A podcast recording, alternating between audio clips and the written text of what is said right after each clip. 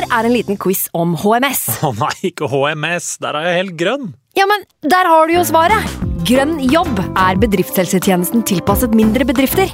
Våre HMS-eksperter hjelper mer enn 8000 bedrifter over hele Norge med alt fra lovpålagte HMS-krav til pålegg fra Arbeidstilsynet. Få på plass bedriftshelsetjeneste på grønnjobb.no. Hallo? Jeg kommer fra Oslo politikammer. Ine Jansen er purk. Er du purk? The motherfucking bitch. Alt jeg vil, er å finne ut hva som skjedde med mannen min. Jon Carew. Er jeg sikta for noe? Iben Akeli. Det er du. Ole So, Lars Berrum og Big Daddy Karsten. Hvem sin side er du på, egentlig? Anette Hoff, Tone Danielsen, Kommer du fra Afrika? Jørnis Josef, Nesten. Kløfta. Trond Espen Seim, Det er synd å si det, men det var feil mann som døde. Purk.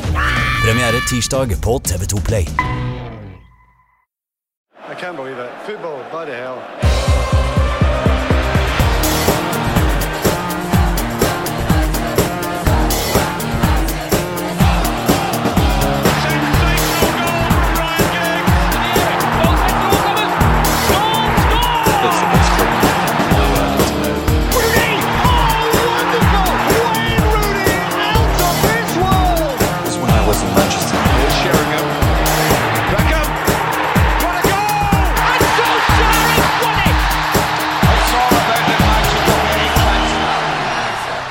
Velkommen til en ny utgave av United We-podkast. Jeg heter Ken Vasenius eh, Nilsen. I dag har jeg med meg fra VG Mats Arntzen. Velkommen skal du være. Takk. Det er godt å se deg. Takk, hyggelig å se deg òg. Og den andre gjesten, Eivind Brennod Holt. Ja, det er helt riktig!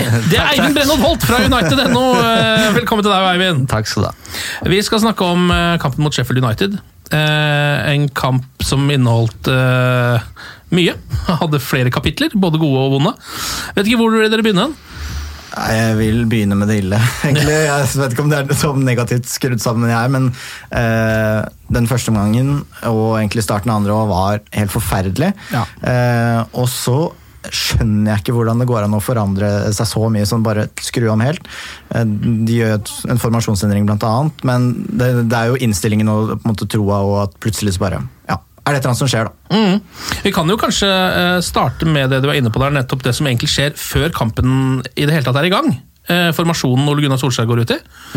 Hva, jeg, jeg klarte ikke helt å telle opp, for det, det, var ikke helt logisk, den formasjonen. For det var ikke en 3-5-2, og det var heller ikke en 3-4-3. Jeg vet ikke helt, Hva var det for noe? Det var vel en slags 3-4-3, ehm, og um, Solskjær er ikke den første United-manageren som prøver seg på en trebekslinje. Eh, og han er heller ikke den første som eh, ikke lykkes. Uh, verken van Gaal eller Mourinho fikk jo til det der skikkelig. Eh, og så har eh, Solskjær har jo tatt noen skalper da, med, med den formasjonen, men han mislyktes jo også med Trebekslinjen han forsøkte å speile Wolverhampton på bortebane forrige sesong, og, og gjør det igjen nå.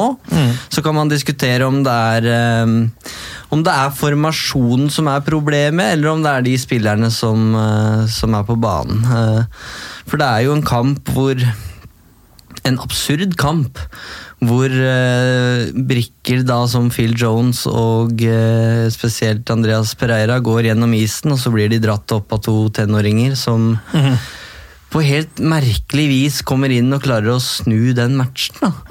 Eh, men hvis vi begynner bakfra, så, så, så, er, så er det greit. Phil Jones kommer ikke til å bli noen United-spiller, tror jeg.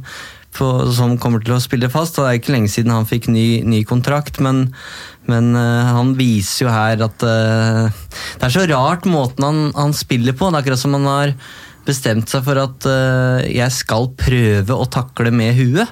Ja. Uh, for han har jo hatt et par av de der artige hvor han blokkerte et skudd fra Oliver Giroud, blant annet. Eh, men nå virker det som han prøver å plante huet i gresset så ofte som mulig. Eh, og det, det blir veldig rart. Og så kan man snakke om at han skulle hatt frispark og sånn, men han gir jo muligheten at, til at Sheffield United-angriperen skal få lov til å prøve seg og, og lykkes med det. Når det er sagt, bare for å avslutte den forsvarsgreia, så er jeg heller ikke overbevist over Harry Maguire.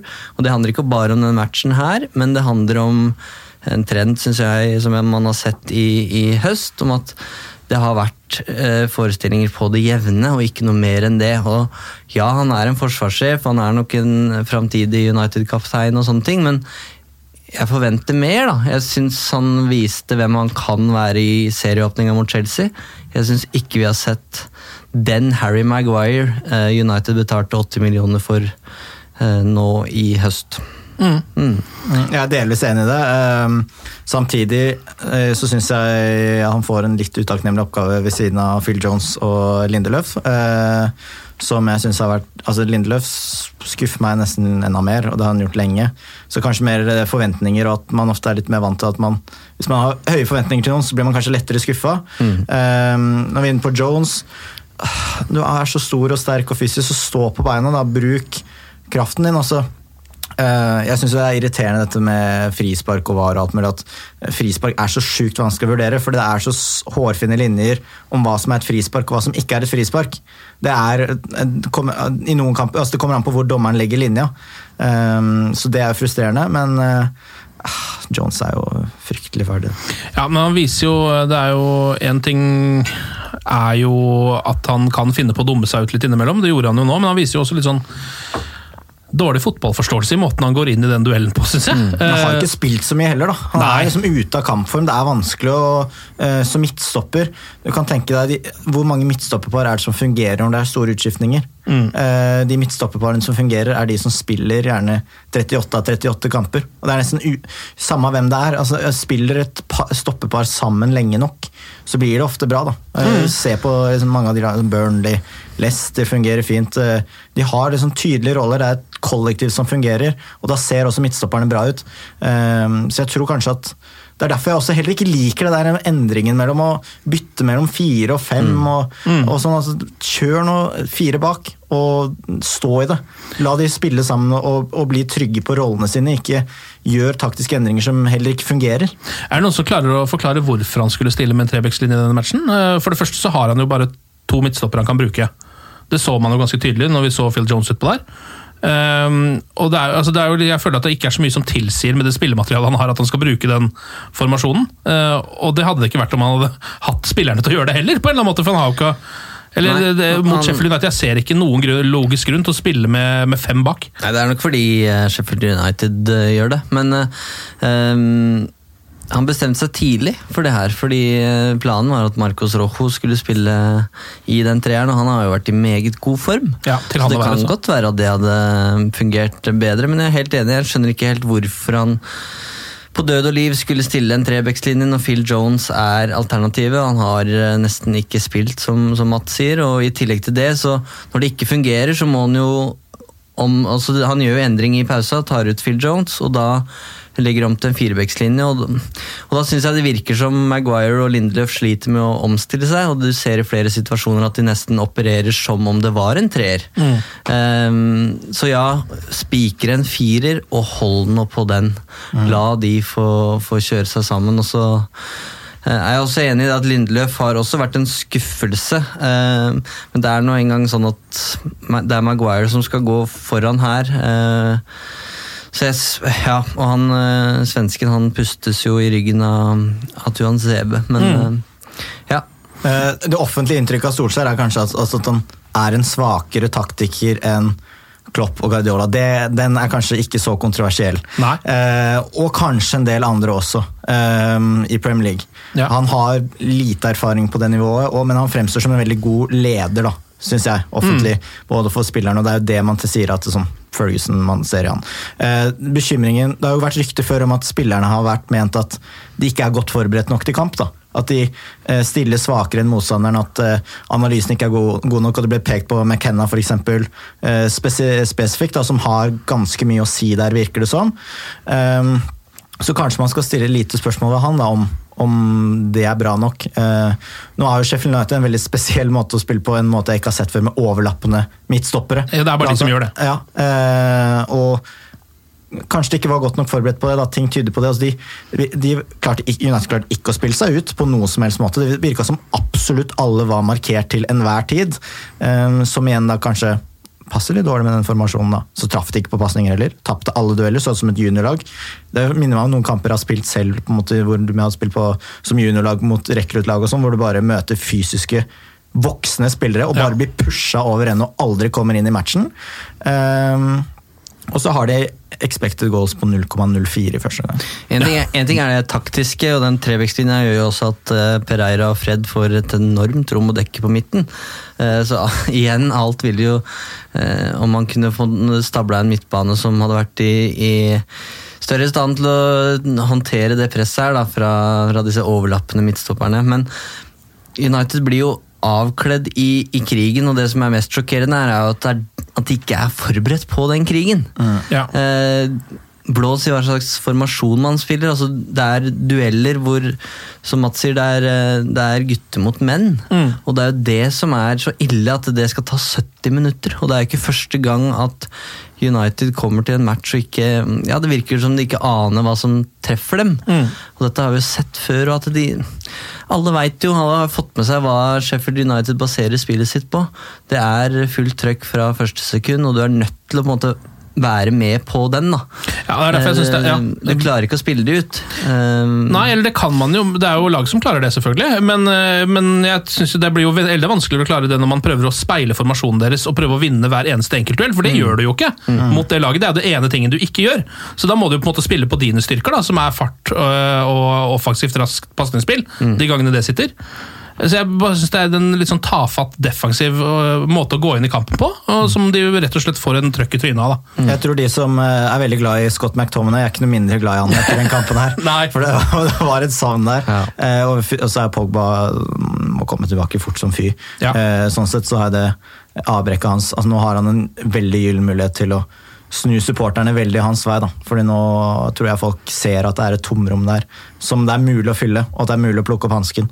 Eh, Så Ja. er det kanskje provoserende at han koser seg i Syden med dama. Sånn, det er kanskje en annen Ja, jeg, jeg har et litt annet inntrykk av det. Jeg syns det er mindre snakk om Pogba, i hvert fall sånn i, i positivt ordlag, enn en tidligere. Ja, man ser at det er et savn på midten der, men det, det ropes mer etter McTominay enn en Pogba. Og det virker som det er en frustrasjon, i hvert fall hos mange supportere, om at som lurer på hva ha- i alle dager han gjør i Miami når resten av laget er på Unicef-middag og, og litt Det sånne er, ting. det er nettopp det jeg mener, da, at, eh, at folk er ganske negative. At nå er det et eh, At folk liksom eh, Virker som de har lave forventninger til han nå. Eh, Så det Ja, er, så det er tomrommet etter Pogba du snakka Ja, om? kanskje? ja. Skjønner, da er vi jo enige. at, eh, at det er mulig for han nå å komme tilbake og vise at han faktisk uh, har ganske mye å si i det laget. For det tror jeg at han har, mer enn det supporterne tror. da. Mm. Det er mitt poeng. at uh, ja, Der tror jeg han har noe å fylle. Uh, når det gjelder, bare for å kanskje runde av med kampen, så jeg syns det er litt rart at når man plutselig lykkes, finner ut av ting, kanskje er det med innstilling, selvtillit og Sånn er det jo litt med et ungt lag. da. Et ungt lag i medgang er ofte De flyter gjerne på den medgangen, mens når det går imot, så er det vanskeligere. Så det er litt rart at de setter inn Tuan Sebo. Jeg vet ikke om de endrer formasjonen omtrent tilbake, eller om William spiller kamp på slutten her, men de setter, tar ut en spiss og setter inn en midtstopper. da. Ja. Um, om det er lurt når de liksom er i flyten. Og, det, er, det, er, litt feigt, da. Ja, det er, noen, det er jo noen øh, rare taktiske ting fra Solskjær her. Bo, øh, altså både som slår ut positivt og negativt, på en måte. Um, jeg synes jo det er liksom, Når han først da skal gå ut i denne øh, 3-4-3-aktige formasjonen sin, eller eventuelt 5-3 eller 5-2-3, som det jo blir, så er det også rart at, at Andreas Pereira da er den ene liksom, hva skal man kalle det, litt sånn holding midtfiller, da, som man må spille i denne kampen. Det er to midtbanespillere, det er Fred og Pereira. Um, bekkene hjelper ikke nok til, for de ligger bak for å forsvare seg. Uh, vingene kommer ikke hjem og jobber. Det, blir, du ser jo, det er jo Fred og Pereira mot, mot Sheffield United, liksom, hele denne matchen her. da. Det er to mann Ja, som skal ordne Utakknemlig oppgave. Og, Ja. og så, de ender jo opp med å se helt forferdelig ut. Pereira var jo terningkast én, Ja. knapt. Ja. Uh, og Fred var ikke akkurat spesielt god, han heller. Eh, men det er en fryktelig utakknemlig oppgave de får samtidig. Ja, og så gjør han jo da øh, et taktisk godt grep når han setter inn Eller først så bytter han til pause. Får ut uh, Phil Jones. Um, og så i det 75. når Pereira endelig kommer seg av banen og Greenwood kommer inn, så ser det ut som et helt annet lag. Jeg tror jeg synes egentlig Solskjær uh, står igjen her med en fjær i hatten. Kanskje litt sånn skitten fjær, men det er nå en fjær allikevel. Um, og når det gjelder den midtbanen, så hadde han jo egentlig ikke så mange valg. Eh, Nemanja Matic var tilbake i trening, men var ikke engang i, i troppen. Det var kanskje litt dristig, eh, Ja. uten at vi veit hvordan hans eh, tilstand er. da. Jeg har dessverre en følelse at det ikke handler om formen hans. altså. ja, det er, eh, Han fikk jo spørsmål på pressekonferansen før match om et Insta Instagram-innlegg som, han hadde- som han hadde likt. eh, hvor han blir kobla tilbake igjen til Mourinho i, i Tottenham. Eh, Solskjær sa vel noe om at, det, at han har god sans for humor, og jeg tolker Nemanja Matic litt den veien, så jeg tror, tror ikke det var noe i det, kanskje. men han var nå i hvert fall ikke i troppen, og James Garner var jo det eneste rene alternativ på, på benken. og Det å kaste inn han der ville nok vært litt eh, tøft på 0-2, eh, eller på 0-1 Mm. i, i pausa der. Um, men han legger jo om og, og lykkes, uh, lykkes med det. Ja. Så um, ja, jeg vet ikke om vi skal komme oss til det er sju minutters usikker på om uh, Matic eh, er United-spiller i det hele tatt. Jeg, jeg har ikke sett han på mange måneder. Er, sånn, er han der i det hele tatt? Fins han? Ja, det er helt, Eh, jeg syns det er vanskelig å si. Jeg tror kanskje ikke han kommer inn på laget når han er Ligger han tilbake fra bundet i en skade. eller så. kjeller et sted? Eller, hvor? ja. Eller er han bare hjemme hos Mourinho og venter for å spille der? Men det er mange som er opptatt av Andreas Pereira. Se på Twitter, det er mange som spør om, om han. og Vi, vi snakka jo såpass mye om Andreas Pereira da, i en pod for, for noen uker siden at vi måtte legge inn en liten kjærlighetserklæring på Instagram, for han fikk så mye tid. Men, Ja. Og da hadde han han spilt i terningkast seks kontra det han gjorde nå mot eh, ja, Sheffield. United. Ja. Dette var nok noe av det verste. Og, men han viser jo egentlig bare det vi har snakka om her tidligere, at han er en brikke som ikke skal være i det United-laget her. Og så kan vi beundre Solskjær for at han ga Pereira sjansen, men han er 23 år, og det er ingen vei- som veit hva slags midtbanespiller han egentlig er, eller hva du får. og da, da, da sier det seg sjøl at, at han ikke kommer til å være der så mye, veldig mye lenger. Problemet er jo at både Jones og Andreas Pereira har jo fått nye kontrakter av Manchester United i 2019. Ja. Og hva sier det om planlegging og veien videre osv.? Ja, det, og det, var jo, også, det, er jo, det er ikke etterpåklokskap nå å si at det var feil, for det visste vi allerede da. Ja. Så det kan jeg ikke forstå noen ting av. Nei, altså Han har aldri vært bedre enn Adnan Janusai, og han sitter på benken hos Real Sociedad. Ja. Eh, altså, De har fulgt hverandre Nei, hele veien. Og det er liksom Ja. Det er det, det nivået han er, da. Og han var glimtvis god i Valencia. Eh, Ja. Ikke noe mer De var det. ikke overbevist, de som fulgte spansk fotball Nei. tett. i hvert fall. Nei. Eh, det, var, eh, det var ikke rare greiene han viste der. Skal vi komme oss til de sju minuttene? Ja, la oss gjøre det. Eh, Det er som Øystein eh, Sommerfelt Lysne sier på, på sosiale medier, snakk om Brendan Williams. Ja. Sier han kriger hele kampen, og så skårer han jo også sitt første mål for Manchester United. Eh, Men, men ikke med feil bein. Nei. Han er høyrebeint. ja, men spiller på venstresiden. Ja. Det er, har den mange har jeg aldri han skjønt. Ja, det tror jeg ja, det er mange som kommenterte det, i hvert fall at han scorer med feil bein. Men det var med riktig bein. Ja, eh, Han er en av de litt rare backtypene som United eh, er glad i å fostre opp. Litt sånn Ashley Young-aktige feilbeinte backer som er på gang opp her. Eh, Men det gjør jo at United skjønner at nå er det faktisk mulig å få noe ut av denne matchen. Ser det på hele laget. eh, Solskjær er kjapt på eh, og gjør et bytte rett etter målet. Får ut Pereira, inn med Greenwood. eh, Ting begynner å flyte mye bedre. Og i løpet av ja, er det sju minutter de skårer de tre målene på? eller? Sju, ja. Det er jo, det er jo noen, en blanding av noen litt merkelig altså Det er litt sånn merkelig at det skjer, men den fotballen United spiller der, og de måla de skårer der, det er jo Greenwood sitt mål er jo også fantastisk. Hans første også i Premier League, må vi jo nevne. Mm. Ingen av dem feirer. Nei, og det burde de ikke heller, på en måte. Eller, Stormer tilbake. ja, og det liker jeg litt. da, for når Ja, Du er ser, det du så jo, du husker Daniel James eh, da han skåret sitt mm. andre mål, eller noe sånt, da han skåret for Paul Trafford, og jubla som en idiot på en eh, 1-1-skåring, eller hva det var der. Det ble ikke så god stemning av det, så jeg liker litt at det er sånn. da De har skjønt det, at eh, her skal det vinnes. Har de sannsynligvis fått beskjed om det, tror jeg, etter, etter det der. Ja, ikke sant? Vi jubler ikke for, eh, for uavgjort her i, i Manchester. Ikke for reduseringer og utligninger. Nei, Um, og så skårer jo Marcus Rashford eh, 3-2-målet, og det er jo altså et rent klassemål for en opprulling det der er. Det er, Ja, det er fint. helt nydelig å se på. Det er sånn vi vil se United, liksom. Og der tenker jeg jo uh, at nå burde de faktisk vinne denne kampen, selv om det ikke er helt fortjent. Fordi nå eh, har de hatt overtaket hele andre omgang, har klart å skåre tre mål på syv minutter. Sheffield United har ikke fått til noen ting. Og så tar Ole Gunnar Solskjær ut Martial og setter inn Tuan Sebe.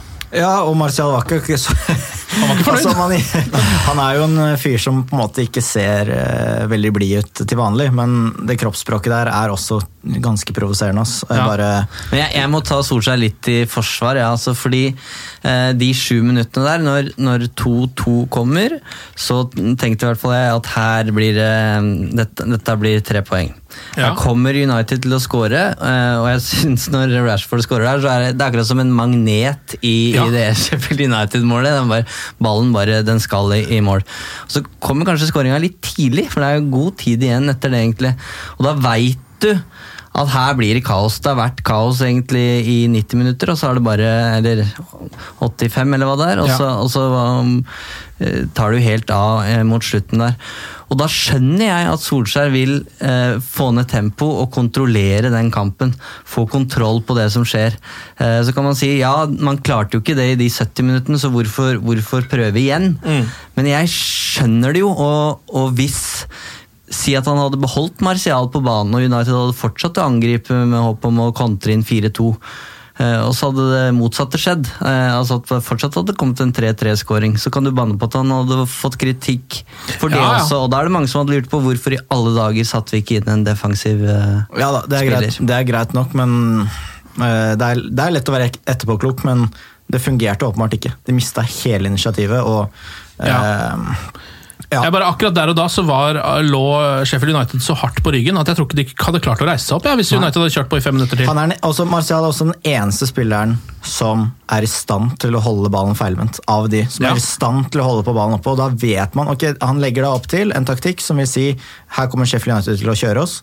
Det, det, det syns jeg er rart da når man har initiativet, fordi Rashford, James, Greenwood, alle de er mm, gode spillere, men Mm. som er gode rettvendt og, og fremover, men ikke så gode til å ta inn ballen. Mm. Det er Rashfords store svakhet, det er derfor han ikke kan spille spiss. Det er derfor han må spille wing. Ja. Eh, Fred har slått bort baller hele kampen. Lingard også er en sånn Ja, glad i å jage ball, da, og det er derfor jeg mener at sånn, sånn rent taktisk så er det mange gode grunner til at han ikke burde ha. Kanskje egentlig sånn, typ, Det hadde kanskje vært sånn Mourinho-grep å ta av Greenwood igjen. kanskje, Altså, Ja, ja, faktisk. Um, Med fasit i hånd så er det jo ingen tvil om at eh, det var feil, eh, og det slo feil ut. Eh, Men hvis man skal ta med seg noe fra den matchen her, da, det var nok mange som, som satt med en, ja, en lei følelse etter, etter kampslutt der, men dette var i hvert fall eh, et United-lag som klarte å slå tilbake.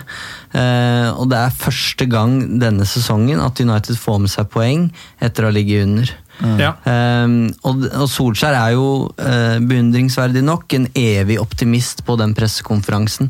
Um, drar jo paralleller tilbake til 0-4-tapet mot Everton, eh, men sier at dette her er et helt annet lag. Eh, dette er et lag som ville eh, vinne og gjøre alt de kunne for å, for å gjøre det, men de visste ikke hvordan. Eh, fordi det er såpass mange unge, unge spillere, og dette er en kamp de vil ha lært masse av. Eh, så sånn sett så, så er det noe å ta med seg videre. Eh, spørsmålstegnet mitt blir, som jeg har eh, tatt opp tidligere her i podkasten, og det er om det er nok med vilje og lidenskap hvis man skal sikte mot toppen. Mm. Solskjær sier jo i pressekonferansen at han, eh, eller på pressekonferansen at taktikk spiller ingen rolle i en kamp som det her, og det har han jo fått litt kritikk for, for siden. Ja, Det er jo fordi det er helt feil. Uh, og jeg Det så man jo på det han gjorde utpå der. det holder, ikke, det holder ikke med bare vilje. Det holder ikke å bare ville vinne fotballkamper og, og bli gamle United igjen. Du må gjøre en del riktig på i kampene og på treningsfeltet. Og det, og det, er jo det, vi, det er jo de kampene her vi da vil unngå, på en måte. Vi vil jo se den positive trenden, en stabil kurve som kryper seg oppover, sammen med United på tabellen. Og det er jo de matchene her som gjør at det er så vanskelig å holde på det håpet der, da. Man kan jo på en måte velge litt om man vil se det negative eller om man vil se det positive. Men fasit er kanskje noe midt mellom. Solskjær gjør, gjør ikke seg selv en tjeneste når han sier det med taktikk, for det på en måte er et område folk er skeptiske til han allerede. Eh, Det er sånn det er med fotball. Det er mm, veldig sammensatt. Det er fysikk, det er mentalitet og det er taktikk. Og teknikk. Eh, Men det er mange faktorer her som spiller inn, og du kan på en måte ikke si at det ene eller det andre ikke spiller inn. Og det var ganske tydelig at United var dårlig taktisk forberedt og mangla kvalitet eh, så er det bra at de hadde da viljen og det mentale, og at de klarte å snu det. Det syns jeg er bra. Men det var åpenbart andre ting som mangla. Eh, Uh, Og da kan man si at ok, greit, det fungerte, men dette fungerte ikke. Det går an å bare nyansere bildet litt av og til også. Ja, absolutt. Det hadde jo vært, Hvis de hadde klart å snu den kampen og stikke av med de poengene, hvis vi hadde klart å seile inn på 3-2 der, så hadde det jo vært en form for hallelujastemning i studio i dag. Mm. Fordi det, eh, en sånn type seier smaker jo mye bedre enn en sikker 2-0. Eller Det, min- det hva det måtte minner jo veldig, veldig om kampen på Sellers Park, når Nemanja Matic kliner inn uh, vinnermålet der. Mm. Men eh, ja, når det ikke blir tre poeng, så sitter man igjen med en bismak. Ja, absolutt. Eh, Og vi tar jo selvfølgelig med oss eh, både at Greenwood skårer sitt første Premier League-mål, at Brennan Williams fortsetter får seg mål. Det er jo liksom kanskje ikke noe man skal eh, regne med i framtiden, men det er jo hyggelig for han. Mm. og at Rashford også fortsetter å skåre, og også har seg en assist. da. Selv om han egentlig som spiller en ganske middels match, så har han ti minutter hvor han er toppklasse. Og det holder ganske lenge i sånne kamper, tydeligvis. Greenwood er tredje yngste målskårer i Premier League for United. Tar de de to Ja, yngre? Norman Whiteside, eller er han, han Nei, Det er for landslaget han har putta seg til Premier League. i Premier League. ja. Fra 92. Han kommer til å få kjeft av Svea hvis han skulle rote seg inn på poden her. Som, uh, oh, hvem kan være yngre enn det, da? Eh, Det er én veldig åpenbar. Makeda. fall. Uh, Han er yngst. og i Premier League, den andre Håper jeg lytteren også tenker så det Ja, knaker. nå- og, blir og noen har allerede fasiten. Irriterer seg over at vi ikke har klart å komme på det. Eh, Det er ikke Rashford. Nei, men han eh, som minner litt om Rashford, som var noen Welbeck? år Yes. ah, denne Welbeck, ja. Husker du det første målet hans? Ja, det var rimelig flott. For det var rett i krysset fra 20 meter, det. Stemmer. Og da tenkte vi å steike ta, hva er det vi har fått tak i her? Og så skulle han begynne å lobbe alene med keeper og ikke sette sjanser. Så begynne å Welbecke alle sjansene sine. Ja. Eh, hva med målet til Sheffield United, da, altså det siste? Eh, er det en hens på McBurney? Skal vi gidde å ta den Nei, lille gidder vi. Gidder vi. Nei, Ja, men men folk er det ganske engasjert ikke, det. det er ikke mulig å skjønne lenger at det målet City skårer, eh, som ble annullert mot Tottenham eh, Hvor det er en hens på Laporte, er det det? Jeg vet. Eh, hvor Jesus skårer og det blir annullert. At det er hens, og dette ikke er hens. Fordi Ja. ballen er borti hånda. Uh, men den blir ikke annullert. Det er en liksom, Ja, den er liksom i armhulen hans, er den ikke det? Er den nær hånda, og du scorer, så skal den annulleres. Og jeg skjønner ikke hvorfor denne ikke blir det, og den andre blir det. Og så skal ikke Jeg si at den ene, jeg syns det var tullete at City-skåringen også ble annullert. Så det har ikke noe med det ene eller det andre å gjøre. Det har ikke noe parti der, men det er klin umulig å skjønne. Ja. Uh, at det ikke blir dømt frispark til Jones. Også sånn. Ja, Han faller lett og han er ute av balanse, det er svakt av han. Så får Marcelo frispark i går i Champions League, eh, hvor han får noen armer i ryggen. Ja. Og så- Istedenfor et straffespark og rødt kort. ja, andre sånn, vei. eh, mens fordi ballen har vært ute i Tottenham-kampen, så får ikke Olympiakos et soleklart frispark i forkant av det. Så det er sånn åh, Det er Ja. bare så mye teknikaliteter og små ting som på en måte bare Uh, Unnskyld uttrykket, fucker opp spillet så uh, ut, vanvittig mye at jeg blir lei meg. og Det har jeg klagd på hver eneste gang, og det er min personlige mening at det er møkk og drit. og jeg, Det er ikke et argument om rettferdighet eller noen ting som kan selge. Altså, de må gjøre noe ordentlig radikalt for å få ordna det der. eh, For det er så trist sånn som det er nå. Ja, det er det. Eh, Jeg må jo også si at det er et altså Når man ikke klarer å se om ballen er på en måte på skuldra eller armen eller under armhulen, eller hvor det er, sånn som nå, så må det nesten bare bli mål. Og at nakkehårene til Stirling er i offside i kampen, er sånn, ja, fint for meg, har han ikke på fancy og masse annet, men det er Det er, bare det er et kaos, og det blir nesten meningsløst å sitte og, og diskutere alle tilfellene. fordi alle er jo enige at det, det her fungerer ikke. Så spørsmålet er jo hva løsninga blir her. Om det skjer denne sesongen, eller om vi må vente til neste. Og, og de som er glad i konspirasjonsteorier, får på en måte ikke noe min, mindre vann på mølla heller. Jeg skjønner jo det. Når noe de liksom ser to klin like situasjoner, så er- vipper den ene, andre, ene veien og den andre den andre. Eh, For Det er jo det ene argumentet som eh, kom med VAR, som jeg på en måte kjøpte umiddelbart, var det blir likt for alle. Men det gjør det jo ikke. Nei. det gjør jo ikke det, for de dømmer jo ikke konsekvent på dette, så det må du i hvert fall begynne med. da. Men alle som er så naive og ikke tror det fins eh, kampfiksing i fotball, som ikke tror det fins doping i fotball Nå er Premier League litt stort, da, men hvor, hvor på en måte går grensa? Hvor er det du altså, Det er lettere Da har du enda en du kan I teorien da, så kan du bestikke en VAR-dommer. Som, kan si, Ja, ja. som er sjef, og det er lavere, de tjener dårligere, for det første, så det er lettere. Eh, så på et eller annet tidspunkt så er det et problem i fotball. At det er mulig. At noen kan sitte med følelser. Det er vanskeligere å kontrollere, og derfor vil konspirasjonsteoriene komme. Ja. Nå sier jeg overhodet ikke at det er det som er tilfellet i noen av turneringene United spiller, eller lavere nivå, for den saks skyld, men det er mulig. Jeg tviler det- på at Sheffield United hadde Det tviler jeg altså på. Chris, Chris Wilder. Men Chris Wilder. Så lenge det er sånn, så kommer folk til å ha konspirasjonsteorier, og folk kommer til å, å bli provosert. Og det er Ja. litt av problemet, det også, Ja. syns jeg. da. Ja. Det er mulig at Wilder dro fram en 500-lapp på forhånd der, men eh, jeg, jeg tviler litt på det. altså. Eh, Skal vi eh, kåre Uniteds tre beste spillere, eller? I løpet av de syv gode Ja, det må minuttene? bli det. Det må det må nesten bli de sju minuttene. Men Det andre kan vi jo nesten ikke Nummer én er ganske lett, syns jeg. da. Det er Ja. det høye, syns jeg. Ja, det er jeg helt enig i. Han har en vanvittig dobbeltredning der tidlig i matchen, eh, som er helt sinnssykt. Spesielt den, på den headinga. Ja. Han slipper inn tre mål mot Sheffield United, da. Mm, men han er fortsatt eh, vår beste spiller i den kampen. Det er jeg enig i. Ja, ok, Da er det tre poeng til David Hea. To Ja. poeng, da. Eh, Det er jo vanskeligere, da. Eh, Jeg vet jo at det kanskje enkleste er å si Brandon Williams. Eh, Ja, Eller Rashford, som har et mål og en assist i ja. kampen. Eh, Men han har så utrolig tannløse første omgang. Ja, det er um, Og United blir kjørt på venstresiden i tillegg, så det er, sånn, skal, det er veldig lett å si til en ung spiller som har skåret et mål at ja, det var bra, men det er svakheter der òg. Og det er igjen det med forventninger, da. Eh, Så er det kanskje en av de som kom inn, da. Lingard gjør jo bra når han kommer inn, faktisk. Ja, det var artig å lese spillebørser etter den matchen der. fordi hva, Det handler egentlig bare om hva du vektlegger. da, i en sånn, eh, Nå er ikke akkurat spillebørs vitenskap, men, men skal man på en måte veie de 70 minuttene hvor United er helt elendig, tyngre enn de sju der de er helt fantastiske? Så der var det, der var det børser hvor, hvor det hvor det gikk fra fire til sju. altså Forskjellen var tre karakterer fra avis til avis. Ja. Det er ganske sjelden at man, at man ser. Men to poeng? Nei, jeg, jeg tilbøyelig til å gi det til Rashford. Fordi han tross alt er involvert i to av de tre måla. Han er jo såpass sentral at det blir poeng, da. Så det er fortsatt greit nok. Eh, Skal vi gi ett poeng til Brandon Williams, da? eller? Jeg syns, andre jo eh, Lingard er en av de viktigste årsakene til at det snur. Da. Han kommer inn, altså han får ganske mye tyn for å, at han gjør mye dårlig. Så er litt sånn Ja. Ja, Nå føler er- jeg man så at det faktisk er klasseforskjell føler jeg, på han og Pereira. Det er trist å si, men Lingard er en bedre spiller. altså. Mm, jeg er enig det. Så han burde jo spille oftere. Det, selv om det er rart å si. Men han var jo også Målene kom jo på venstresiden. Eh, Skåret sitt første mål. Det er, ja, hvem som får den av de tre, Rashford og de to, er litt sånn eh. Men at Rea skal ha tre, det er det. Det er det eneste du er opptatt av. Jeg tror min stemme går til Daniel James på ett poeng.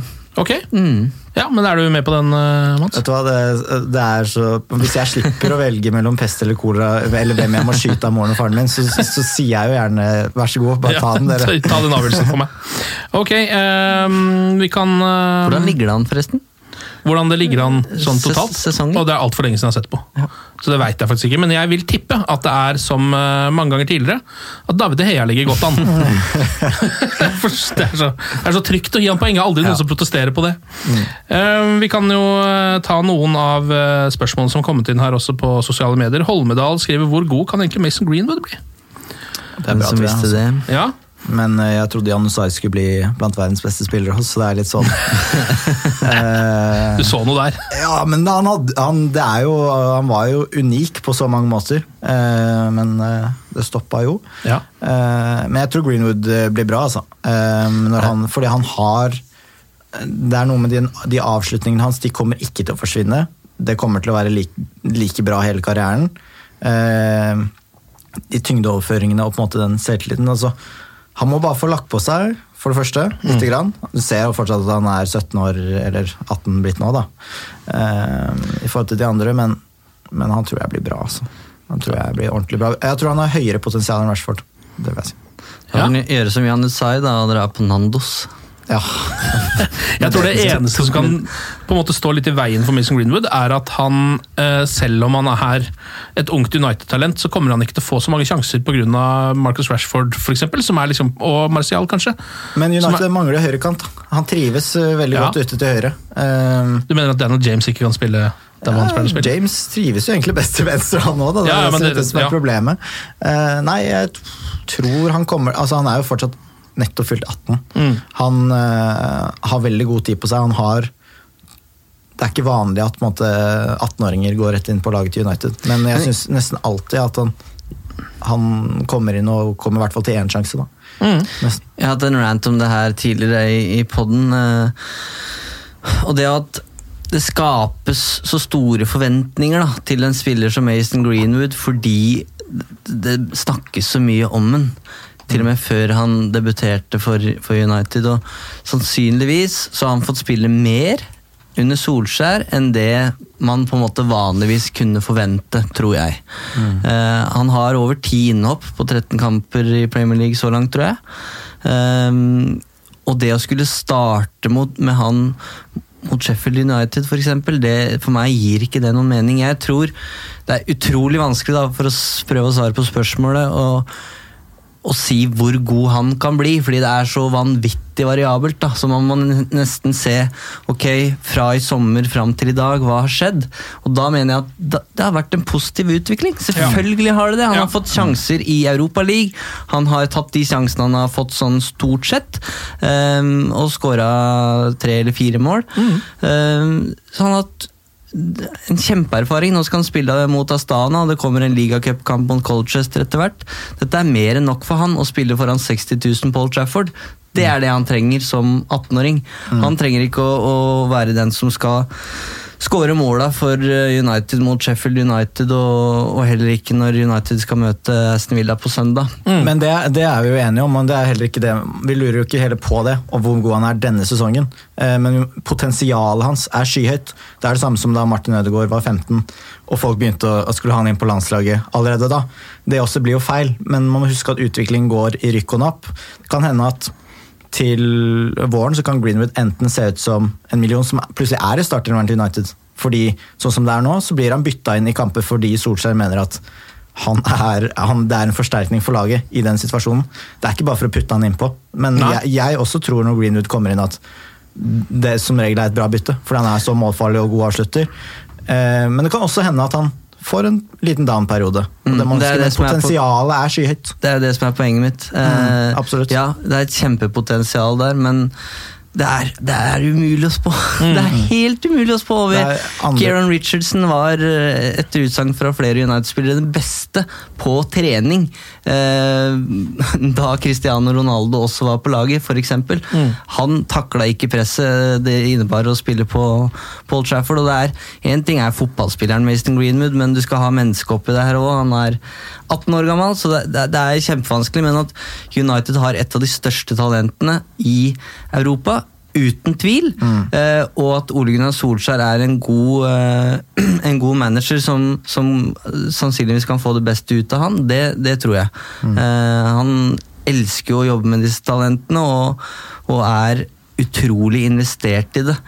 og legger til rette for at de talentene her skal få skal få blomstre, så han er i de rette hender, men hvordan det går er umulig å spå.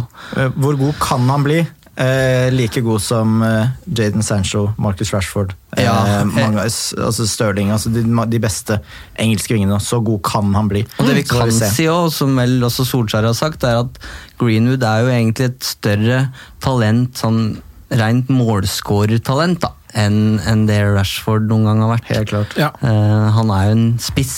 Ja, det Han så er så man lik van Persie at det er morsomt noen ganger, noen av de vendingene og avslutningene. Ja, det er sant, det. bare kroppsspråk, og det har jeg sagt før òg, men det er, det er Hvis du hadde bare skyggelagt dem, så hadde de blitt utrolig like. Han Ja, blir men- forresten veldig god på football manager. Der har jeg spilt. Ras raskere og tobeint. Ja, det- ja, ja, ja. Ja, og så har han jo også det, altså det målet mot Sheffield United Det er jo et eh, klassisk Fox in the box-mål, hvor han bare står eh, helt riktig plassert, og så pirker han inn. Akkurat det vi vil se. Vi må nesten snakke litt om eh, Manchester United sitt midtbaneproblem. Um, nå var jo ikke Nemanja Matic engang i eh, troppen. Eh, han er ikke skada, men er jo på en måte til vei, på vei tilbake. Men tror du det er noe Vi snakka så vidt om det men er det noe annet, noe underforliggende her? Tror dere? Det er jo bare spekulasjoner, selvfølgelig, men jeg har en følelse at han liksom er på vei ut. Det virker veldig rart når det begynner å gå rykter om altså Han har også kommet med litt uttalelser, det vet man jo hjemme i, eh, i en Han var den første som bjeffa litt Ja. på Solskjær, men Ja. jeg Ja. husker. Og når han da blir satt ut av laget og man ikke vet om det er en skade osv., så, videre, så skjønner man jo at det er et eller annet, og han kommer ikke til å starte neste sesong som United-spiller. Det kan vi vel nesten slå fast. James Tucker skrev jo nylig at eh, Matic var ønska både Inter og Milan i sommer, og var åpen for en overgang eh, da, men Solskjær ønska å beholde den som en backup. Ja, Det måtte han jo nesten da. Ja.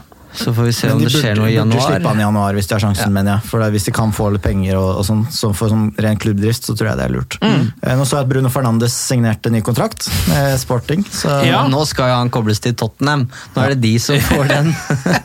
ja, ja, Jonas også påpeker det at eh, Bruno Fernandes har signert eh, ny kontrakt og blir dyrere, men han er vel kanskje ikke aktuell lenger, eller? Nei, og det, dette var jo noe vi sukka litt over i redaksjonen eh, vår i sommer. Det var jo Bruno Fernandes-rykter hver eneste dag. Det var bare resirkulering da, mellom britiske og portugisiske medier. Eh, så eh, Hva skal jeg si eh, Jeg hørte at Gaetano Schneider er på vei ja, også. sant? ja. Meldinga fra United var at de egentlig aldri var interessert i Bruno Fernandes. Nei, så det var bare noe som uh, oppsto og gikk som en ja. Portugisiske medier elsker det i hvert fall når, eh, når spillere fra Portugal kobles til Premier League. Vi har jo noen portugisiske noe agenter også som, som De kanskje er, de er blant de råeste, de. Ja, og de samarbeider kanskje med noen, og kanskje Ja, jeg forstår at uh, Abola, for eksempel, eh, hvis de blir sitert i alle engelske medier, så er det god butikk for de også. Ja. Eh, Det er også Bjorbend som har skrevet her på SoMe. Han lurer litt på Han skriver Garner versus Pereira. Burde Garner få flere sjanser, når vi ser hvordan altså, Andreas alle Pereira fortjener sjanser. Ja, vi har ikke så mange. Pereira, Pereira leverte akkurat nå. Um, jeg synes det er vanskelig altså, Jeg har ikke fått nok inntrykk om Garner er klar for det der ennå. Altså. Uh, jeg syns det er vanskelig å si. Uh, Han folk- spiller jo en så sentral rolle, da. En ting er Brandon Williams som skal inn på venstre bekk og bare forsvare deg med livet som innsats, liksom. Mens James Garner skal inn i en midtbanerolle for Manchester United som skal føre kamper. Og det er klart, det er en helt annen greie. Um, så jeg er ikke så veldig overraska over at James Garner ikke har fått spille mer, egentlig. Solskjær gir unge spillere sjansen, men han er ganske konservativ i laguttaka sine og spiller som regel på det trygge. Mm. det så vi også med Sheffield United, selv om det slo feil. Så jeg er ikke sjokkert over det. og Jeg tror James Garner er en meget intelligent fotballspiller, så jeg tror ikke han sliter med å henge med i Premier League, men fysikken er mm. der, der er det noen spørsmålstegn. Han er kanskje litt mer sånn eh, eh, Ryan Tunnicliffe-nivå, bare motsatt spillertype. men eh, men eh, ja. eh, om, han kunne, ikke- kan ikke gjøre noe dårligere enn Pereira gjorde sist, det kan han jo ikke. Det For meg lukter det lån på James Garner før han slår gjennom i United. Ja, jeg tror han blir en av de som eventuelt hentes Jeg tilbake. tror det. Eh, hva skjer med Paul Pogba nå? Han må bli frisk, Ja. eh, Eller er han frisk? eller er han frisk? La oss si at det går i orden. Ja, Blir han i Manchester United ut sesongen? Ja, ja, det. Er du sikker? ja ja, det er jeg ganske sikker på. helt klart. Ja. Det, um, Kommer han til å surne den siste halvdelen av sesongen? Uh, ja, har han surna? det er det, man vet jo ingenting. Nå er han jo i Miami, så nå er han jo i strålende Ja, nå er han jo i kjempeform, selvfølgelig. Ja. Uh, nei, uff, det er provoserende og slitsom den situasjonen der, rett og slett. At, uh... Ja, vi har jo vært, Den runden her har vi gått før. Eh, og Det dukka opp noen rykter fra Spania nå om at Pogba eh, nekter å spille. Eh, han er frisk, men eh, vil tvinge fram en overgang i januar. Men eh, Noe som høres ut som en sånn konspirasjon, det òg, men det er Ja. veldig ofte realistisk. Det der skjer jo hele tiden. Ja, men har ikke det ryktet vært på en måte Man slapp kanskje unna første sesongen, og så gikk det inn mot sommeren allerede at han var lei. allerede da, Og så kommer det et nytt fyndu, og så begynner det igjen. Ja, men Han ser jo også litt lei ut, da. ja, jeg skjønner ikke hvorfor han ikke bare gjør som Cristiano Ronaldo og bare bretter opp ermene og på en måte leverer en knallsesong, så er han, så er han eh, attraktiv eh, neste sommer. Men hvis han ikke gidder, er det Det er svært få som er så profesjonelle som det Ronaldo er. da. Eh, Ja, som er så opptatt av eh, hvordan han presterer på banen. hva, hva tenker Zinedine Zidane og Real Madrid når de ser hvordan Pogba holder på? Jeg tror de tenker Når han kommer hit, så kommer han til å være god. Det er verste at jeg tror de tenker det. altså. Fordi det stemmer nok sannsynligvis også. Ja, men, ja, men, jo, jo, men altså, det, er jo et, det, er, altså, det er jo et eller annet med han. Du, hvis Sammenlignet med Cristiano Ronaldo, da, så kunne jo han vinne Champions League-trofeer og Premier League-trofeer helt opp til han dro til Real. Så jeg kan jo skjønne at det var litt lettere for han kanskje å gå Mm, utpå der og ja. kose seg, enn det er for Paul Pogba, som liksom går ut der og spiller med Pereira. liksom. Det er et godt poeng. Uh, det er, det er en eller annen Jeg vet ikke helt hvordan jeg skal forklare det, men det er et, et eller annet som gjør at jeg forstår Paul Pogba litt òg. Og det burde man ikke som Manchester United-supporter. Nei, men Solskjær trenger Pogba, og etter all sannsynlighet så jo kommer han tilbake i, i desember, og det alle spør seg er jo om om man rekker da de to kampene som betyr eh, mest akkurat nå, Tottenham og eh, påfølgende match mot City. Mm. Så Pogba og McTominay tilbake der vil jo være en kjempeboost for, eh, for Solskjær, men det er usikkert. Mm, akkurat sånn som Pogba har sett ut nå, så kommer han ikke inn på en midtbane med Kroos, Modric og Casemiro. Nå blir jo selvsagt noen av disse eldre òg, men Mm. sånn som Nå har jeg sett et par Real Madrid-kamper, og sånn som Valverde har sett ut, f.eks. Ja, han har vel nesten tatt en av Det er mye tryggere å ha han enn å dra inn Pogba-sirkuset inn der nå. Ja. Og jeg ville eh, Hør etter, folkens. Heller hatt Martin Ødegaard der enn Pogba akkurat nå. Ja. Helt ærlig. Fordi, altså, og det mener jeg seriøst. Oppriktig. Ja, men Martin Fordi- Ødegaard akkurat nå er jo en bedre spiller enn Pogba. Han har i hvert fall vært det i over tre ja, måneder. Ja, det er bare det. Og Pogba kan så klart hvis han vil, men det handler også om det. Altså. Det går ikke an å, å bare være flink i fotball. Du må faktisk ha lyst til å være god. Ja. Eh, Halvard eh, Rønningen eh, prøver å spekulere litt i det kommende transfer-vinduet, eh, og lurer på om det kommer til å bli henta en midtbanespiller. Han foreslår f.eks. Marquinhos. Kunne han ha løst Uniteds midtbaneproblem, eh, skriver Halvard. Og, og skriver han også er det et realistisk kjøp. Så Han hadde jo endt opp som midtstopper etter eh, en uke i United. da. Det er det verste, for han er jo egentlig midtstopper Markinios. Ja, eh, men er jo en gysla god midtbanespiller også. Um, men med midtstopperen til United så hadde han jo sikkert gått inn der og måtte spille der, da. Nei, jeg, eh, Det kommer vel til å ryktes, og at eh, ryktene går helt til siste dag om at noen skal inn, og så dessverre så falt det gjennom, og så ja. Ja, jeg føler jeg gir så kjipe svar i dag, men jeg, jeg, jeg ser ikke at United henter noen i januar. Nei. Eh, og det er også det rapportene går på, at de ja, de kartlegger mulighetene for Madison og Sancho og Haaland og sånn i sommer, men, men i, i vinter nå så handler det bare om å prøve å kanskje finne en til en billig penge. En Det er snakk om lån også. Det er mye om lån. så Ja. blir det litt sånn... Ja, akkurat i januar så tenker jeg lån ikke gjør så mye, for det skal jo egentlig bare handle om å redde inn sesongen, skal det ikke da? Eh, De spillerne man henter da. Noen som sitter i fryseboksen, av sånn Isco eller et eller annet. Er det mulig å liksom Bare få lånt litt greier. Men er de gira, da? Er det altså, er det, det der igjen, da? Får man en sånn Så er det jo, bryter jo det veldig med den tanken om en, et, et langtidsprosjekt, da, å hente inn en sannsynligvis å- dyr, et dyrt, en dyr utenlandsspiller. Når United har tatt to poeng på de neste tre kampene, og så er det plutselig 18 poeng opp til topp fire, hva er vitsen med å bruke masse penger på å låne noe når de er ute av alt? Eh, skal man ta den åttendeplassen som Liverpool og Klopp tok, da? Eh, Ja, ja. Og tenke langsiktig og vite at det er disse gutta vi skal ha med videre? Eller skal man da låne noen? som Det kommer litt an på hvilken situasjon dere har. de heng på ting, f.eks., så er det jo eh, mer fornuftig å på en måte låne inn noen for å sikre topp fire, f.eks. Hvis Ja. det er mulig. Um, det er en del lytterspørsmål vi kan ta her. Et fra Andresen. Hvorfor har ikke United ansatt Pochettino ennå? Er Spørsmål. Ja, det, det lå jo han til det på Bramall Lane en, en stund der. Ja. Eh, man så jo fortsatt overskriftene som ville kommet med et tap. Eh, så at Solskjær er pressa, på en måte, ekstra pressa nå, det er det jo ingen tvil om. Eh, men det er jo Det vil jo eh, være veldig rart, syns jeg, hvis de nå skal kvitte seg med Solskjær bare fordi Pochettino er, er ledig. Eller ville det være så rart? ja. For det er jo han de har vært ja, ute nå- etter, da. Ja, men hva sier det om de som fotballklubb, når de som nå har staka ut en langtidsplan med en ny manager? Eh, og dette her nevnes jo ved hver anledning fra klubbhold at de står fast ved den veien de nå har valgt med Ole Gunnar Solskjær. Han skal få tid til å, til å dyrke sitt United-lag, og så kaster de han under bussen så fort det kommer et bedre alternativ på markedet. Solskjærs Ja. eh, Det som taler mest til hans fordel, er at han ikke virker som en fyr som sliter på omgivelsene som eh, eh, Van Gaal og Mourinho. Det vil si at når resultatene eh, er dårlige, så er det i hvert fall ikke det der personlige veldig sånn Jeg tror de sliter mye mer da, på troppen sin, Ja, som Van Gaal og Mourinho, Ja. for eksempel. Eh, og Moyes var jo også et litt spesielt tilfelle.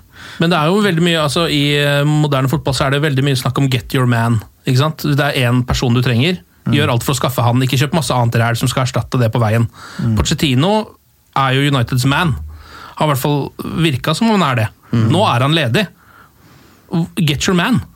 Ja, men da måtte de gjort det Skal man da ikke gjøre det bare fordi man på en måte har ansatt Solskjær allerede, så nei, det blir så mye styr? Er det det man skal si, liksom? Men de kan godt si at de har satsa langsiktig på Solskjær, men de ga han en treårskontrakt. Eh, de har kanskje lært, da. Ja, Da men må de, i hvert fall inn de tre åra, da. Eh, ja, men det tror jeg Hvorfor skal du gi han en mann som ikke har så høye lønninger som tidligere managerne heller? Det er ikke så dyrt å sparke han, tror jeg. Eh, til sommeren. Ryktene kommer i hvert fall til å gå, da. Men eh, De kommer til å gå så lenge Pochettino er ledig, og det som er utfordringa for både Ole Gunnar og, og klubben, for så vidt, det er jo at det man hele tida har spurt seg om her, er hva, hva er alternativet? Som når det gikk på tverke i våres, liksom, ok, hvis man ikke skal ansette Solskjær nå, hva er alternativet? Og nå er jo det alternativet der. Og det skaper jo som sagt et press, men jeg tror jeg vet ikke hva Pochettino planlegger, men det, er, det begynner å bli noen jobber ledige i Tyskland og rundt omkring. Ehm, så det kan fort hende at han plukkes opp av en annen klubb. Jeg har i hvert fall ingen tro på at eh, Manchester United vurderer det for øyeblikket. Ehm, og det er også det de eh, Hva var det det ble nevnt, meldt fra lokalavisa? At de bare rista på huet av de ryktene om at, at, at de sjekka mulighetene for det. Når det er sagt, så må det jo være lov å ymte fram på hvert fall at eh, Som du var inne på innledningsvis her, Mats, som at det at Solskjær er en Klopp eller en Guardiola nå, på en måte, det, det er vanskelig å se for seg. Han har nok ikke den kapasiteten, og det var det var jo et av de spørsmåla vi på en måte stilte oss før sesongen. Hvem er Ole Gunnar Solskjær som, som manager? Eh, og det har jo gått eh, både opp og ned. Eh, akkurat som det gjorde forrige sesong. Eh, så at Ole Gunnar Solskjær er en mellommann her, altså at han blir den manageren som på en måte rydda opp etter Mourinho og hva skal jeg si eh, serverte neste, neste manager, det er ikke utenkelig, tror jeg. Eh, om han er der i de neste fem åra, det er jo veldig vanskelig å egentlig se for seg nå. Ja, det er det. Samtidig er det, eh, det er på en måte tre ting som man snakker for mye om. og Det ene er VAR, det andre er Pogba, og det tredje er at det er ikke manageren man skal se på da, i United, først og fremst.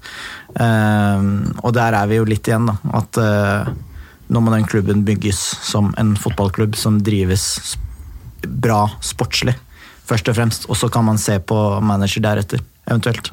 Ja. Eh, og sånn som situasjonen er nå, det er jo egentlig ingen grunn til å sparke Solskjær før sesongen er over, fordi alt er kjørt. Det er bare å Ja, ja. Med mindre det er for å get your man før han plutselig er i München. Ja, ja. Det Ja, er- Hvis de ansetter nå en ny manager før det kommer en teknisk direktør på plass, så er det jo så hodeløst at eh, jeg har ikke ord. Ja, Ja, men den tekniske direktøren der er jo eh, altså Chinese Democracy-plata til Guns N' Roses. Det kommer, det kommer, det, når det kommer, så blir det dårlig, det òg. Altså, det kommer aldri til å skje. De har brukt så lang tid på det der at jeg har ikke noe tro på at det der kommer Nei. på plass med det første. Jeg tror det er, jeg, I mitt tips tre nye managere før det er på plass. Oi, ja. Ja, det er jo komik, vel. Hvordan det, fremstår utad. Skal vi se litt framover, da. Det er uh, to kamper uh, denne uka her, faktisk. Uh, ganske tett på hverandre. Astana borte i Europaligaen på torsdag. Det er allerede i morgen. Den begynner 16.50. Hva, Bare komme seg hjem fra jobb. hva er det for et tidspunkt å sende eh, europeisk fotball på? Nei, det er jo, Tidsforskjell. ja, det er jo, klokka er jo, det er jo midt på natta der borte omtrent. Det er vel eh, fem timer forskjell, er det det? Ja. Men, men eh, for United kunne de godt spilt den midt på natta i Kasakhstan, for de holder seg til britisk tid. Eh, Gjør de det, så, ja? Så de eh, kommer ikke til å endre døgnrytmen da, mens de er i Kasakhstan. Så de kunne sikkert spilt midt på natta. Ja. Ja, de er jo 14 år, de som skal dra dit, så de kan ikke være oppe så sent. Men eh, eh, ja. det blir visstnok- 20 minus òg, da. Så ja, det er 20 minus der borte, så United-spillerne får ikke lov å være ute i mer enn 10 minutter av gangen. Nei. Eh, Kampen skal jo spilles under tak, da, så det blir ikke noe problem akkurat det. aldri gå alene. Alltid to og to Ja. eh, på rekke. ha på refleksvest. Reiser aleneskilt. Mamma sender med matpakke, og husk å kle på deg. Det er eh, rundt så er det 150 United-supportere der, tror jeg. Ja, 36 år gamle Lee Grant som eh, går og passer på. Jeg så li, godeste Woodward var og stilte opp med den norske fansen og tok bilde. Det var jo hyggelig. Solskjær dukka opp. Solskjær dukka opp etter hvert. Mm. Eh, Det var vel Woodward som ordna det, hva er det rykter om? Solskjær hadde sagt at han hadde fått bild, bilde tilsendt av Woodward. At han hadde Ah. møtt norske United-supportere i eh, Kasakhstan. Ja. De, da samarbeider de i hvert fall litt om PR-en der, da. Eh, Det er, kanskje- det er dialog. kan hende at Karen eh, var innom der, og Kan Karen. Shotbolt, som er da PR. Er det, en, eh, er det noen flere debutanter som kommer til å starte den kampen, tror du, Eivind? Ja, Han har allerede bekrefta. Tre stykker minst, sa han. Ja, eh, og det er Lee Grant som kommer til å starte i eh, mål. Nå tar det litt tid, for de er nødt til å jukse litt. Men Ja. Dylan Levitt har spilt eh, landslagsfotball for eh, Wales. Ja. Eller i hvert fall vært i troppen, eh, og han eh, kommer til å starte. Eh, Dijon Bernard kommer til å starte, og det gjør også Ethan Laird, som er, som er back. Ja. Og så må man jo anta at Luke Shaw, Jesse Lingard, Aksel Johan Sebe er med til eh, Kasakhstan for å spille, ikke for å sitte på, på benken. Greenwood også, vel. Og Green, Mason Greenwood, absolutt. Og så har man altså James Garner, eh, Angel Gomez og Tai Chong, som også er sterke kandidater der. Så da begynner det å danne seg et bilde av hvordan den elveren kommer til å se ut. Jeg så Chong eh, forresten var ute og likte eller reposta et eller annet på Twitter om at han aldri kommer til å bli god nok i Lennart United. Det er bra. Har Det dette blitt en sport, eller? I United-garderoben? Maguire hadde blokka noen som eh, han eh, aldri hadde Han hadde visst aldri tagga ned noe, så Maguire har på en måte fått opp i feeden eller gått Jeg vet, man har søkt opp, var liksom blokkert, så det er jo ikke helt bra det der at de være fotballspiller og følge med i sosiale medier er ikke helt heldig. Nei, det er jo bare rør, det greiene der. Men uh, det er jo litt gøy at vi skal spille med såpass mange nye og unge folk i den matchen, fordi kampen er jo egentlig så å si ubetydelig. United er jo videre. Og da er det jo en grunn til å sette seg ned rett etter jobb på torsdag og se den kampen, da, for å se litt nye tryner. Se hva, framtiden kan bringe. Og om folk har på en måte ropt på Garner og Brandon Williams, så skal du nok eh, ikke se bort fra at det ropes på både én og to til etter det. Men man må huske litt på, og det synes jeg er litt viktig, at United kan ikke spille med 14 unggutter fra start i Premier League heller. Det funker ikke sånn, selv om Men det har jo bare lov å bruke elleve av de, så det er sant, det. Ja, ja det kan komme tre, tre inn. Ja, det er helt, helt sant. Eh, og så er det jo Aston Villa, da. Eh, Paul Trafford på søndag klokka halv seks. De har vel tre seier og tre tap, du, ja, på de seks siste matchene sine. Slo Newcastle 2-0 nå sist. Et nytt lag som skal passe United perfekt, egentlig. Med bekker som går, og det er jo eh, noe av det United faktisk trives med å møte. Mm. Og kan kontre på med Rashford og James, og jeg får litt sånn Norwich-vibber igjen. da. Ja, der har jeg tro på seier. Ja. Ja, du har det? greit. Ja, Ja. absolutt. Mye mål og seier. Mm. Ja, det får virkelig håpe det. Det hadde jo det hadde United trengt nå. Litt av deilig hjemmeseier, kanskje med tre mål, eller? Ja, jeg er er ikke glad i å spille på bortebane nesten, ville heller, altså. Nei. Ja, De gutta som skal starte der, får en ideell oppladning. Både McKenna og Carrick er jo igjen i Manchester for å kjøre økter med de. Eh, Så det fins på en måte ingen unnskyldninger, eh, selv om vi helt sikkert har sagt det før her i poden. Men eh, nei, Aston Villa er et lag som, som skårer mye og kjøper inn mye. Og jeg føler bare United har godt tak på, på Villa Paul Trafford. Mm. Det bør gå. Er det noe dere har lyst til å snakke om helt på tampen her, før jeg avslutter denne podkasten? Kan jo nevne at kvinnelaget vant 4-0 mot Brighton nylig, og ligger på femteplass i Eliteserien. Ja, det er jo en eh, Det er vel en godkjent førstesesong, det? Absolutt som nyopprykka lag så må det være meget eh, bra. Aurora Michaelsen, norske keeperen, debuterte jo i, eh, i cupen for ikke så lenge siden. Det er bare å sanke norske kvinner som man får opp interessen eh, generelt. Jeg Ja. tror jo både altså, at Liverpool og Manchester United melder seg på eh, og signerer norske spillere, kan jo gjøre at interessen her til lands eh, øker, da. Og det tror jeg hadde vært en bra greie. Og, eh, og Barcelona gikk jo foran nå. Hadde felles lagbilde med kvinner og menn. Så de mm, Jeg finner jo alltid negativt i det òg. Jeg vet at det handler mye om økonomi og litt sånn penger, og at storklubbene kanskje ser litt nytte av det, men det er uavhengig av det bra, da. At eh, man ser verdien av det.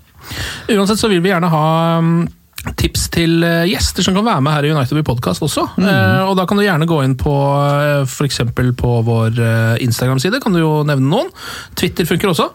United We Podcast eh, heter vi der inne. Um, ser spesielt etter noen tips om noen eh, jenter som kan være med, eller kvinner, da, for de er jo sikkert over 18, disse folka her, eh, som kan være med i United We Podcast. Gi oss noen tips på det, så skal vi hanke dem inn til eh, studio.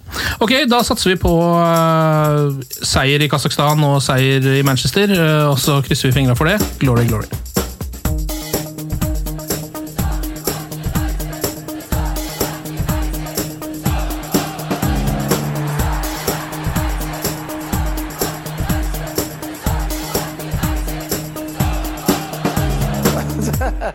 oh, it's true. I've seen many things. Moderne media. Ukens annonsør det er matkasseleverandøren Hello Fresh. Der kan du velge mellom 25 ulike oppskrifter hver uke, eller få Hello Fresh til å sette sammen en meny for deg. Jeg sparer tid på å handle, oppskriftene er veldig enkle å lage, og så får jeg akkurat det jeg trenger da, til hver eneste rett, så jeg slipper å kaste så mye mat som jeg vanligvis gjør. Det er også litt deilig å faktisk slippe å gå på butikken, ikke bare fordi det er tidkrevende, og sånn, men fordi man ender opp med å kjøpe så mye greier som man egentlig ikke trenger, sånn som fire poser eh, Smash og en kick med havsalt, eksempel. Det er ikke det du egentlig er der for, du er der for å kjøpe, kjøpe middag. Så det er en veldig eh, kjekk ting. I tillegg så er det jo eh, ferdigporsjonerte ingredienser, det blir mindre matsvinn, og du betaler bare for det du faktisk trenger, og det du faktisk da spiser. I tillegg så blir det da levert på døra til et fastsatt tidspunkt, sånn at du kan få det akkurat når det passer for deg eh, sjæl. Hvis Hello Fresh høres ut som noe for deg, så har jeg en rabattkode du kan bruke også. Gå inn på hellofresh.no og bruk koden HelloUnited24. HelloUnited i ett ord, også 24, og få opptil 1779 kroner i rabatt på de fem første matkassene dine hvis du ikke har prøvd Hello Fresh ennå. Du kan også bruke koden hvis du tidligere har vært kunde, men har stoppa abonnementet ditt for tolv måneder siden eller mer. Det er ingen bindingstid, og du kan pause eller avslutte abonnementet ditt akkurat når du selv måtte ønske. Husk koden HelloUnited24, og bon appétit! Ukens annonsør er Folio, en smartere banktjeneste for deg som har en egen bedrift eller ønsker å starte for deg selv. Folio er en superenkel nettbank for bedrifter. Som kunde i Folio får du en bedriftskonto med et bedriftskort og app. I denne appen er det smarte løsninger som forenkler regnskapet ditt, uansett om du har en liten bedrift eller et enkeltpersonsforetak. Folio er både intuitivt og brukervennlig, og er laget med et enkelt språk.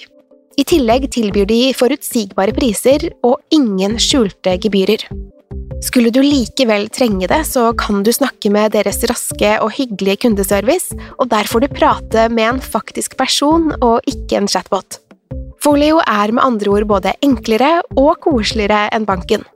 Over 10 000 bedrifter har allerede valgt Folio som sin banktjeneste, så besøk folio.no og se hvordan Folio kan forenkle din hverdag også. Har du et enkeltpersonforetak eller en liten bedrift? Da er du sikkert lei av å høre meg snakke om hvor enkelt det er med kvitteringer og bilag i fiken, så vi gir oss her, vi. Fordi vi liker enkelt. Fiken superenkelt regnskap.